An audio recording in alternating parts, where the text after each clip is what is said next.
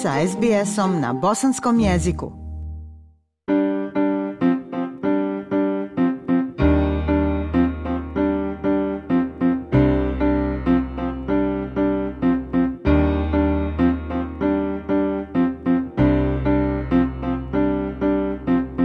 Slušate SBS program na bosanskom. Negativno ulaganje ili negative gearing, porezna olakšica za ulagače u nekretnine je pojam koji se često povezuje sa investicijskim nekretninama. To se događa kada troškovi investicijske nekretnine premaše prihode koje ona generiše. S druge strane, investicija može imati pozitivno ulaganje, pozitiv gearing, kada prihodi od najma pokrivaju sve troškove povezane s nekretninom, uključujući i kamate na kredit. Prilog Snehe Krišnan i Ručike Talvar. Maxwell Schiffman je glavni operativni direktor u kompaniji Intrapack Property, jedno jednoj od najvećih australskih kompanija za ulaganje u nekretnine. On objašnjava negativno oporezivanje kao metodologiju koja je dostupna australskim poreskim obveznicima koji posjeduju nekretnine. To im omogućuje da umanje troškove posjedovanja i upravljanja nekretninom smanjenjem poreske osnovice.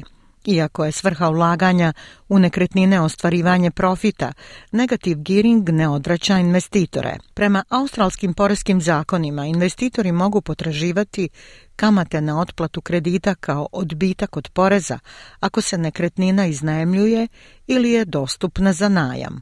So investment property uh, will have all sorts of costs that go into owning and maintaining that property.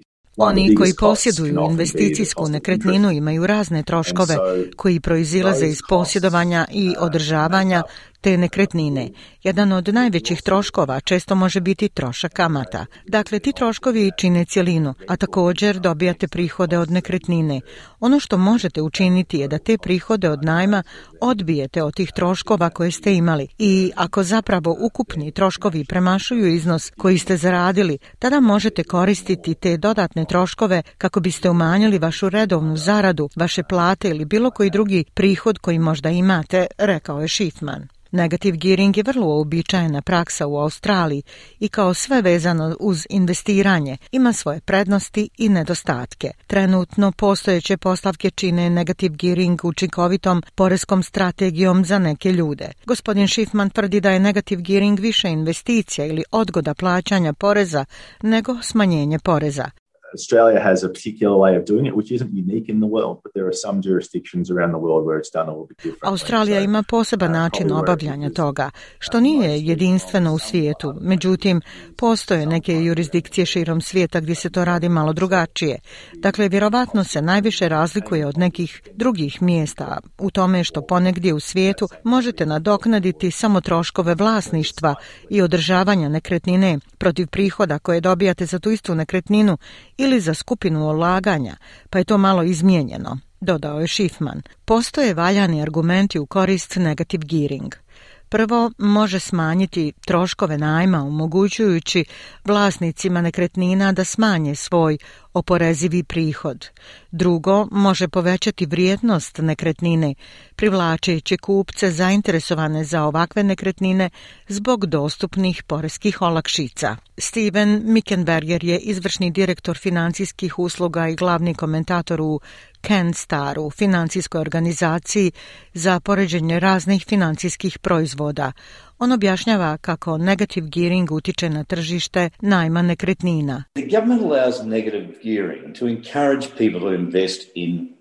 Vlada dopušta negative gearing kako bi potaknula ljude da ulažu u nekretnine, posebno u stambene nekretnine kako bi osigurala dostupnost nekretnina koja će zadovoljiti potražnju za najmom. Međutim, ako opskrba nekretninama padne na nedovoljan nivo da zadovolji potražnju, najamnine rastu, stambeni prostor postaje nepristupačan i može doći do dugotrajnog ili ozbiljnog nedostatka koji dovodi ljude u rizik da ostanu bez krova nad glavom, istakao je Mikenberger. Negativ gearing je već nekoliko godina kontroverzna tema među političarima. Tokom saveznih izbora 2019. Bill Shorten iz laborističke stranke je obećao ograničiti njegove porezne pogodnosti na postojeće investicijske nekretnine, što je izazvalo zabrinutost zbog socijalne nejednakosti. Međutim, premijer Anthony Albanizi zadržava podršku trenutnoj politici negative gearing.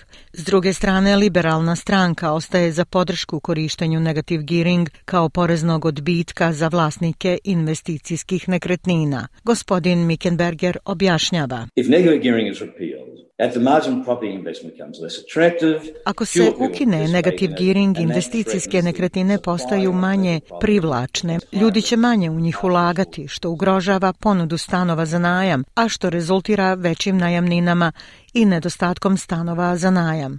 Peter Koulizos je direktor diplomatskog studija nekretnina na Univerzitetu u Adelaidu. On kaže da je negativ gearing trgovinski potez koji investitori čine kako bi potencijalno profitirali od kapitalnih dobitaka prilikom prodaje nekretnine u budućnosti. Gospodin Koulizos objašnjava da je uobičajeno da investitori dožive gubitke tokom prvih godina vlasništva nad nekretninom. If I negatively gear the wrong property, say a brand new apartment, for example, which doesn't have much capital growth, Ako se ljudi negativno zaduže za pogrešnu nekretninu, na primjer novi stan koji nema veliki rast kapitala, ne samo da sedmično gube novac, već nema ni rasta kapitala ili dolazi do vrlo ograničenog rasta. Dakle, doživljavaju i gubitak kapitala. Druga negativna strana je ograničena mogućnost zaduživanja. Ako banka vidi da vas ova određena investicija košta 100 dolara sedmično, vrlo je teško kupiti sljedeću investicijsku nekretninu ili čak vlastiti dom ako ako imate takav dug. Posjedovanjem i ulaganjem u nekretnine investitori mogu izgraditi dugoročno bogatstvo i smanjiti ovisnost o državnim penzijama i pomoći za penzionisanje.